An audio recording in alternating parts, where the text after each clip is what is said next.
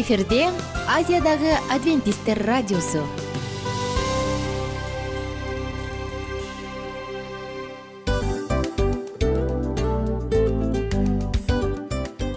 Достор салют. Баардык сүйүктүү угармандарыбызга салам айтабыз. Кутман күнүңүздөр менен. Ден соолук өмүрдүн булагы демекчи саламат саамы программасында баарыңыздарды көргөнүбүзгө абдан кубанычтабыз. Анда алгач амандашып өтөлү арбаңыздар деп. Ден соолугуңуздар кандай элибизде көбүнчө ден соолук кандай дегенде эле жакшы деп жооп беребиз э? ооруп турсак дагы жакшы дейбиз. Анан мен муну айтып ойлойт элем бул абдан сонун сөз депчи анткени бул жакшы деген үмүт да э ооба баары жакшы болот баары сонун. Деп үмүттөнүп атып эле өзүбүздү өзүбүз дарылап коебуз.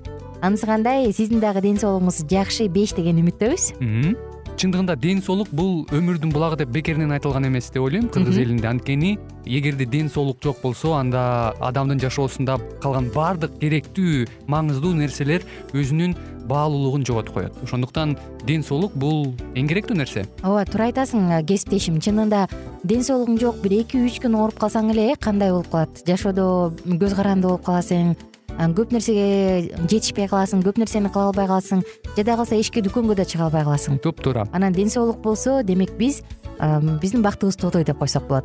Анда достор саламат саамы рубрикабызды баштайлы. Алдыда өзүңүзгө керектүү болгон сонун кеңештерди уга аласыздар. Мына ошондуктан биз менен бирге болуңуздар. Ал эми биз болсо милан жана айнура. Кеттик алга. Алга саламат саама ден соолуктун жарчысы. Саламат саама ден соолуктун ачкычы. Күн сайын сиз үчүн мыкты кеңештер сонун жаңылыктар кызыктуу фактылар. Биздин рубрикада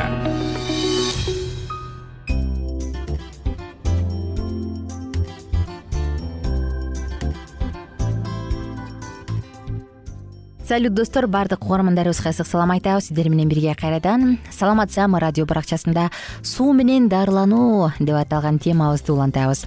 Эске салсак мурунку уктуруубузда биз ысык сүлгүлөр менен дарылоо ыкмасы жөнүндө сөз кылганбыз. Ысык сүлгүлөрдүн кандай пайдалуу жактары бар? Сүлгүлөрдү ысытуу үчүн кантип ысытыш керек мына ушул жөнүндө сөз кылганбыз. Бүгүн бул теманы бир аз толуктай кетсек. Ысык сүлгү менен адамды дарылаш үчүн сизге эмне керек жүндөн токулган чоң кездеме. Бир даана шейшеп бир даана жаздык эки чоң чака оозго же кулакка салып дене ысыгын текшерүүчү термометр он сүлгү суунун ысыгын текшерүү үчүн термометр бирөө кан басымын текшерип туруу үчүн тонометр жана стетоскоп. Мындан дагы бирөө керек ысытылган сүлгүлөрдүн алдына төшөлүүчү сүлгүлөр менен шейшипчилер бештен керек. Чоң казан он беш литрлик же суу кайнатуу үчүн чоң идиш. Муз кошулган сууну куюу үчүн бир чылапчын ушалоо үчүн калпак чекени муздатуу үчүн пахтадан жасалган кездеменин эки кесиндиси керек. Мына достор бул керектүү каражаттар керектүү нерселер. Эми дарылануу ыкмасына даярдык кайнак сууну кантип колдонуш керек. Мончо сүлгүсүн колдон келишинче узунунан тыгыз ороңуз. Аны үчтөн төрттөн үч бөлүгүн кайнаган кайнак сууга жакшылап сиңгенге чейин салыңыз. Сүлгүнү суудан алып чыгып колдон келишинче эки жака катуу сыгып тартыңыз. Сүлгүнү бир жагынан кармап туруп силксеңиз ал жайылат. Ысытылган сүлгү менен адамдын терисин жабыңыз ал күйүп калбаш үчүн өтө ысык болсо тез алганга даяр болуңуз ал сүлгүнү өз убагында алмаштыруу же алып салуу үчүн убакытты жакшылап карап туруш керек. Адамдарды бул ыкма менен дарылоодон мурун сүлгүнү жаап жана анын шарт алууга алдын ала адамсыз э, өзүңүз эле машыгып көрүңүз. Эгерде ысытылган сүлгү өтө эле ысык болсо анын алдына кургак сүлгү төшөп анан гана үстүнө ысык сүлгүнү жаюу керек. Ысытылган сүлгү менен адамды жапкандан кийин анын үстүнө дагы кургак сүлгү жабыңыз. Бул ыкманы үч төрт жолу кылыңыз. Башкача айтканда ысытылган сүлгүнү үч төрт жолу алмаштырыңыз. Ысытылган сүлгүлөрдү алмаштыруунун ортосунда адамдын денесин муз кошулган суу сиңирилип сыгылган сүлгү менен өтө тез сүрүп чыгыңыз. Анан кургак сүлгү менен тез анын денесин кургата калыңыз. Эгерде анын териси суу болуп же ным болуп калса кийинки ысытылган сүлгү менен жапканда териси күйүп калат. Ошондуктан ысытылган сүлгүлөрдү алмаштырардын алдында терини кургак сүртүп алыш керек. Эми бууну колдонуу жолун айтсак сууга бактадан жана жүндөн токулган беш сүлгүнү салып анан аларды алып чыгып жакшылап сыгыңыз. Казандын үстүнө темир торчону төшөп үстүнө ушул сүлгүлөрдү коюңуз казанга керектүү өлчөмдөгү сууну куюп аны жыйырма мүнөт кайнатып сүлгүлөрдү ысытыңыз. Бирок сүлгүлөр сууга малынбашы керек. Микро толкундуу мешти колдонуу ыкмасы чоң мончо сүлгүсүн алып аны муздак сууга сиңирип анан жакшылап сыгыңыз. Ал сүлгүнү атайын кара желим кутусуна салып коюңуз. Желим кутуга салынган сүлгүнү микроволновкага салып төрт мүнөт ысытыңыз ал сүлгүнү тез алып чыгып дарылоо ыкмасын колдонуп жаткан адамдын денесин жабыңыз. Эгерде сүлгү абдан ысык болсо тери менен анын ортосуна кургак сүлгүнү колдонуңуз. Дарылануу ыкмасын айталы ыкманы колдоно турган адамдын дене ысыгын өлчөп алыңыз алгач дене температурасын анын жүрөгүнүн согушун жана дем алуусун мүнөтүнө санап жазып алыңыз. Кан басымын өлчөп жазып коюңуз ал адамды чечинип халатты кийүүсүн сунуштаңыз. Ал жата турган жерге же атайын колдонулуучу керебетке жука жуурканды жайып анын үстүнө шейшеп төшөңүз. Аны шейшепке жаткырып толугу менен жылуу кездеме менен ороп коюңуз болгону баш эле ачык калсын. Буттарды ысык сууга салуу ыкмасын колдонуу үчүн чакада ысык сууну камдап алыңыз. Чаканы жарымына чейин толтуруңуз жаткан адамдын тамандарынан кармап акырын чакадагы сууга салыңыз.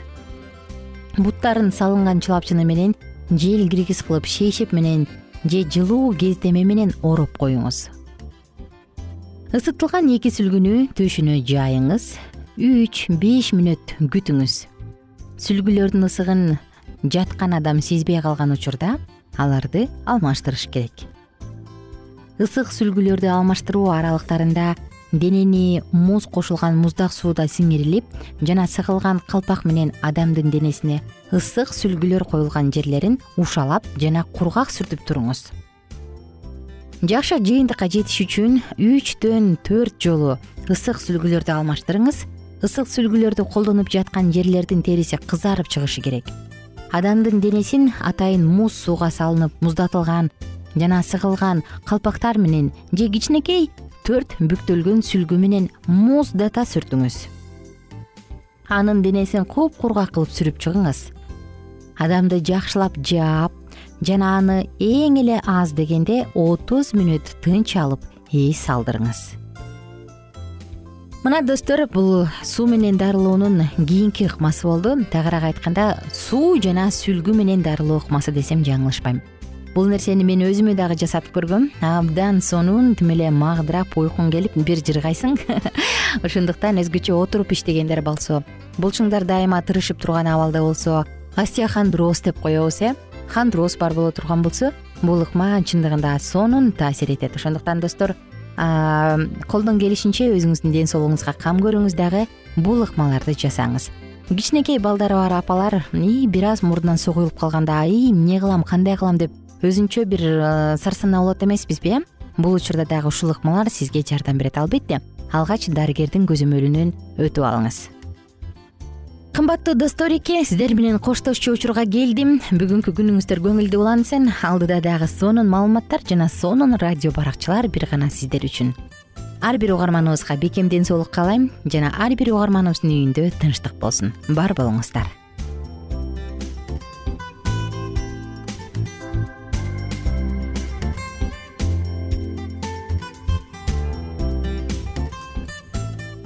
кененирээк маалыматтар үчүн үч w чекит саламат чекит клуб сайтына келип таанышыңыздар. Жана андан тышкары социалдык тармактарда youtube facebook жана instagram баракчаларына катталыңыз. Саламат саама ден соолуктун жарчысы. Саламат саама ден соолуктун ачкычы. Күн сайын сиз үчүн мыкты кеңештер сонун жаңылыктар кызыктуу фактылар. Биздин рубрикада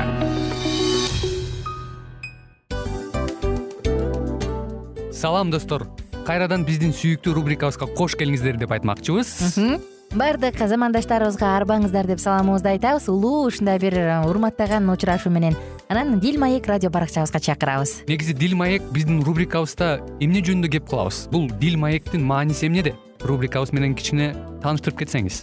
Сөзсүз түрдө тааныштыра кетейин кесиптешим суранычы боюнча бул учурда бул радио баракчада биз ар тарап кесип ээлеринен сонун кеңештерди алабыз сүйлөшөбүз сырдашабыз. Аталарыбыздын эжелерибиздин апаларыбыздын кеңештерин угабыз айтор жан дүйнөгө адамдын э, сапатына адамдын деги эле адам болуп жашашына керектүү баардык кеңештер алдыда негизи э, дил маек дегенде баягы эки адамдын ортосундагы сырдашуу кенен сүйлөшүү. Негизи эле биз адамдар бири бирибиз менен бир жерге жай жерге отуруп алып өзүнчө тынч жашоо жөнүндө өмүрүбүздө эмне болуп атканын бөлүшкөнү жакшы көрөбүз э адамдар. Ооба туура айтасың анан мындай учурга кээде убакыт да жетпей келет э? Же болбосо сырыңды кайгыңды муңуңду кубанычыңды айткың келет а адамга ишенбешиң мүмкүн. Ооба. А бул радио баракча угармандарыбыздын чыныгы досу. Анткени бизден алган кеңеш сиздин жашооңузга чоң жардам берет.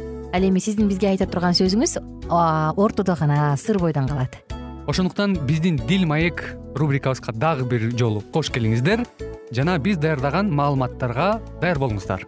Айнура жана милан сиздер менен бирге алдыга кеттик ар түрдүү ардактуу кесип ээлеринен алтын сөздөр жүрөк ачышкан сыр чачышкан сонун маек. Дил маек рубрикасында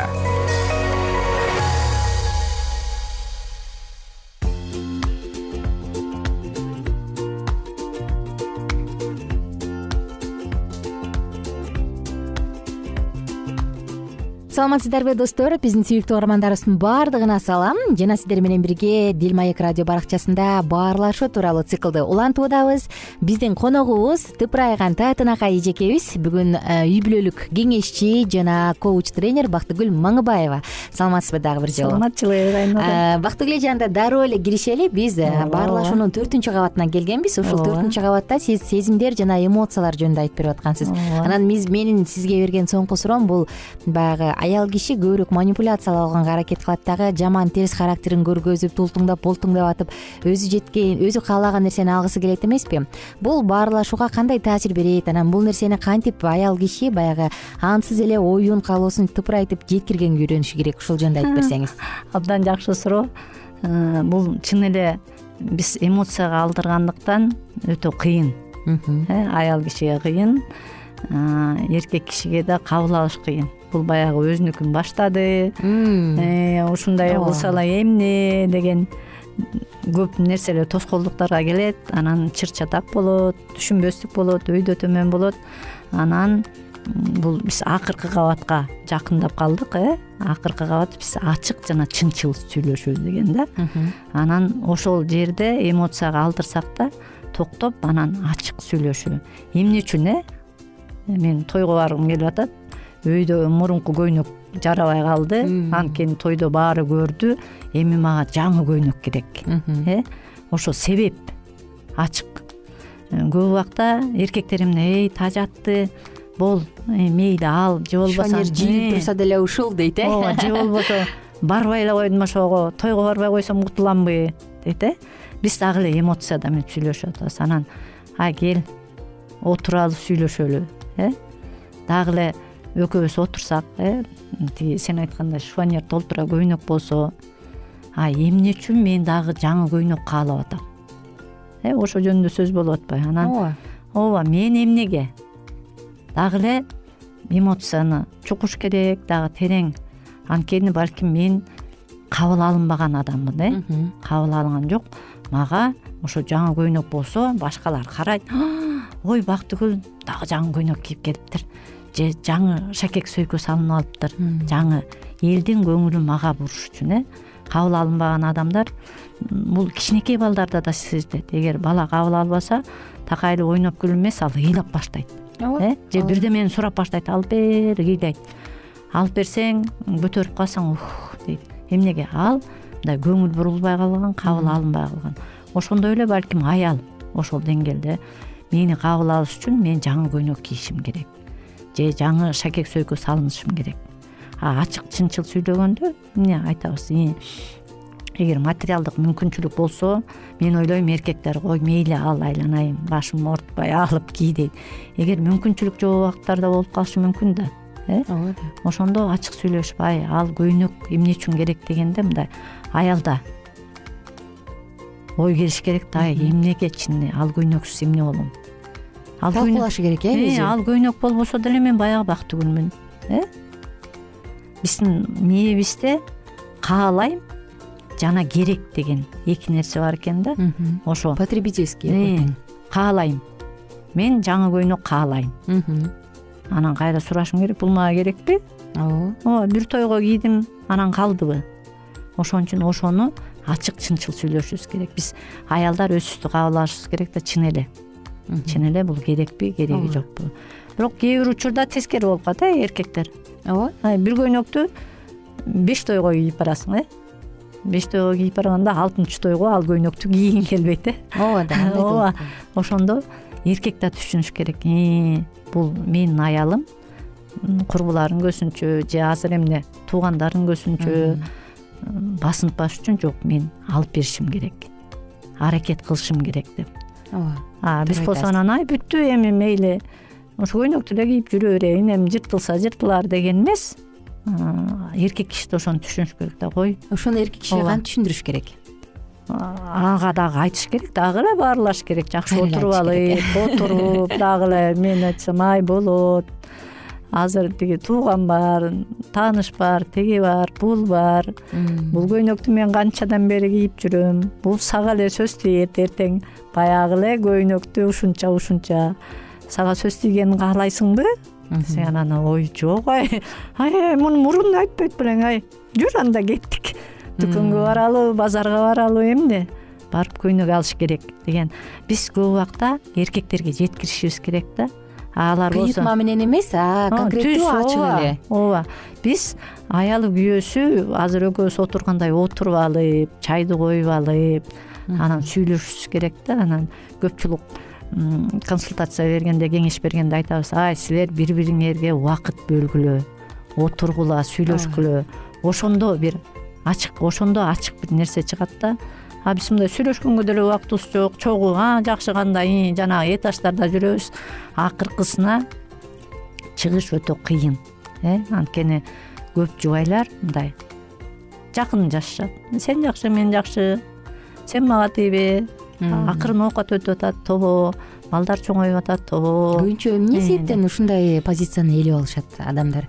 Мисалы бойдок дегенге караганда жолдошум бар же келинчегим бар ал кандай дегенде жүрөт өзүнүн ишин кылып атат негизгиси үй таза балдарым таза каралып атат үйдө дасторкондо нан бар болду калганы мени кызыктырбайт деген позицияда болушат. Эмне себептен? Дагы эле жанагы четке кагылган анан жоопкерчилик жок орустардын жакшы макалы бар моя хата с краю э?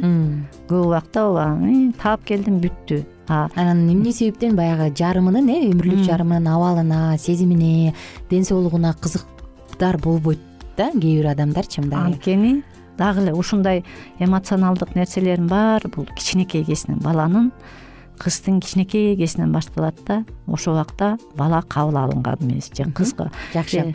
Сонун тема болуп атат атайын кийинки уктуруда сөз кылбасак азыр убактыбыздын соңуна чыгып калдык. Абдан жакшы. Эле достор биз чындыгында мындай үй бүлөлөрдү көп эле көрүп келебиз кездештирип келебиз э. Жолдошум мага таптакыр кызыктар эмес же келинчегим баш оорубайт эптеп акча таап келсем болду деген арманыңыз бар болсо анда кийинки уктурууну калтырбай угуңуздар бар болуңуздар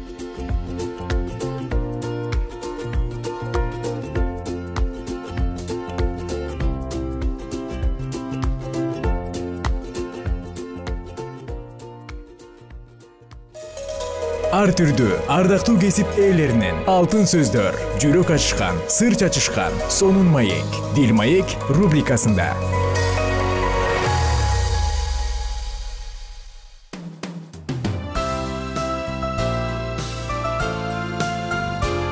Эфирде азиядагы адвентисттер радиосу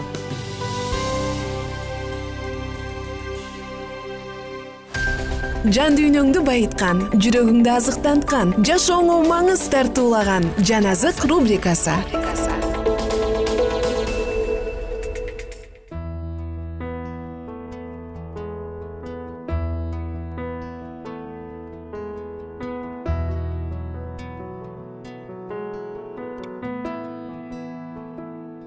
Кутман кушубак күнүңүздөр менен сүйүктүү достор жалпыңыздар менен жан азык радио баракчасында тип жана анын шам чырагы деп аталган. Сонун кызыктуу аңгемебизди улантабыз. Анча эмне болду деп сурады. Ошол учурда дүкөнгө кирип келе жаткан минтурун мырза. Бүгүн кызматчымдын ордуна өзүм келдим. Мага чочконун этинен эң жакшысын тандап бериңизчи. Баса сиз эмнеге анча таң калып жатасыз? Кантип таң калбайсың? Тип леви театр деген жаман деп айтып жүрөт мен ага бүгүнкү оюнга киргенге эки билет берсем ал мага аларды азыр эле кайра алып келип берип библияда ыймансыздардын жолуна түшпө деп жазылган. Мен ошондуктан театрга экинчи барбайм дейт. Укмуш бекен укмуш дейсизби? Мен сиздин сурооңузга библиядагы аят менен эле жооп берейин. Мага ишенген бул кичинелердин бирин күнөөгө түрткөн адамды калганын өзүңүз таап окуп алыңыз. Мен ал жагын айтпай эле коеюн мага айт берип коесузбу мен шашып жаттым эле аңгыча тип үйүнө келип калды. Мария аны дарбазанын жанынан эле тосуп алып сен мени театрга алып барасыңбы? тип суранам сенден мен сенден биринчи эле жолу суранып жатам го деп жиберди. Тип толкунданып кетти. Мария деди тип мен сени алып бара албайм. Мен кааласам билет деле тапмакмын бирок мен мындан ары мындай оюндарга барбоону чечтим. Сен билесиң да мен деген өзгөрүлөйүн деп жатпаймынбы ошондуктан мен бирок мариянын ачуу үнү анын сөзүн бөлүп бар чынары ушул менин кичинекей бир өтүнүчүмдү аткарып коюш үчүн сага ыйыктыгың жолтоо болуп жатса анда анын мага кереги жок. Жогол чынары көзүмө көрүнбөй типке бул сөздөр аябай катуу тийди. Бирок мариянын сөздөрүндө аны кубанта турган бир нерсе бар болчу. Мария мендеги өзгөрүүнү байкаган турбайбы демек ал мурдагыдай болбой калган тура. Ал ушул тууралуу ойлонгондо абдан кубанып кетти ушул аятты тип канча ирет кайталады дейсиң? Анын акыл эсинен баарын эле ушул аят ээлеп алгандай. Алардын жолун ташта алар менен баспа алардан кач алардын жанына кыя өт. Бирок ушуга карабай ал кеч киргенде үйүнөн чыкты да түз эле шаардын борборундагы театрды көздөй жөнөдү. Ал жай басып келе жатып өзү менен өзү мен музыкасын эле угуп кетем да мунун эмнеси жаман? Мен театрга кирейин деген оюм жок кирбейм марияга айткан сөздөрүмдөн кийин мен кантип театрга кирмек элем киргим келген күндө деле кирбей ал кире албайм. Анткени менин билетим жок да. Мага окшоп музыка угуш үчүн ал жака көп киши барат болду экен. Ошол кызык болуп жатат мага. Алардын жолун ташта алар менен баспа. Ушул назик үн ага эскерткенин токтоткон жок ооба. Мен билем деди тип ылдамдай басып. Мен деген мен кирбейм да каалаган күндө деле кире албайм. Мен киргим деле келген жок. Ошентип отуруп ал аянтка жетип келди. Ал жакта мындайды уга элек тип үчүн укмуштуудай сонун угулган музыка катуу ойноп жатыптыр. Мен кирбейм такыр кирбейм деген чечимин кайра кайра бекемдеген бойдон ал уламдан уламга жакындап бара жатып акыры театрдын кире беришине кантип келип калганын өзү да байкабай калды. Кире бериште көп кишилер туруптур тип алардын арасынан дуглас мырзаны көрүп калды. Тип анын аябай бай жана март киши экендигин билчү.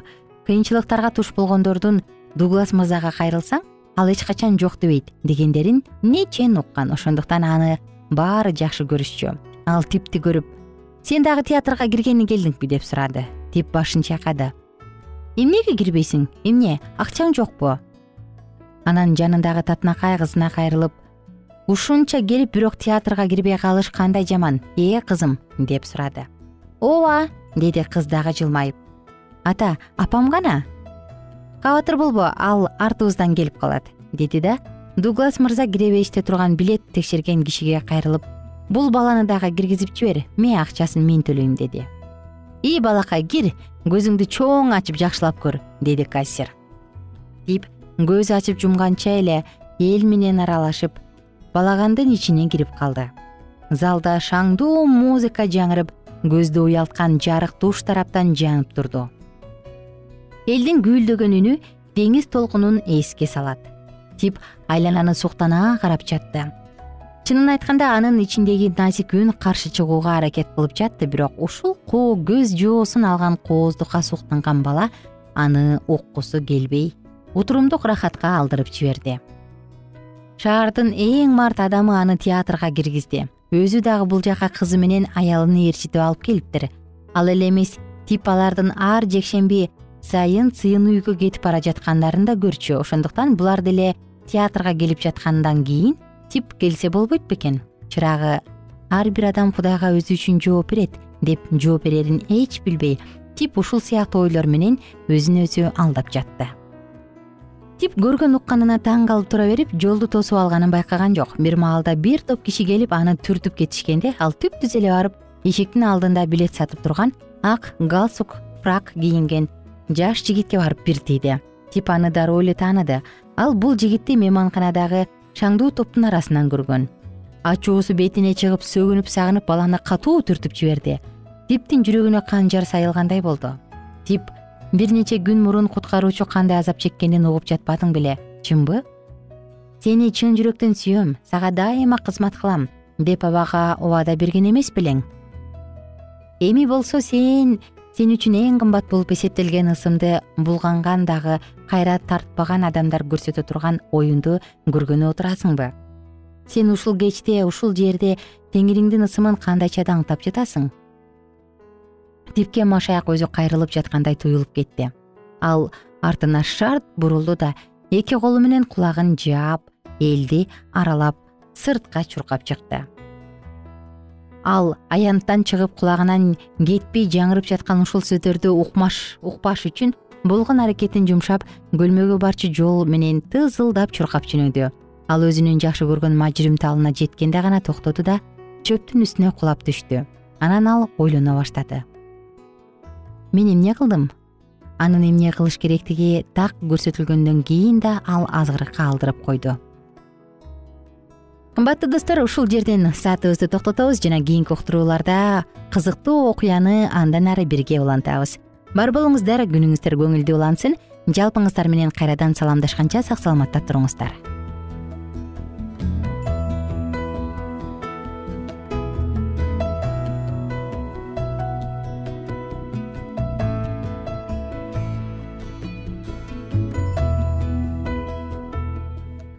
эгер сиздерде суроолор болсо же көбүрөөк маалымат билем десеңиз анда биздин whatsapp номерибизге жазыңыз. Плюс бир үч жүз бир жети жүз алтымыш алтымыш жетимиш. Кайрадан плюс бир үч жүз бир жети жүз алтымыш алтымыш жетимиш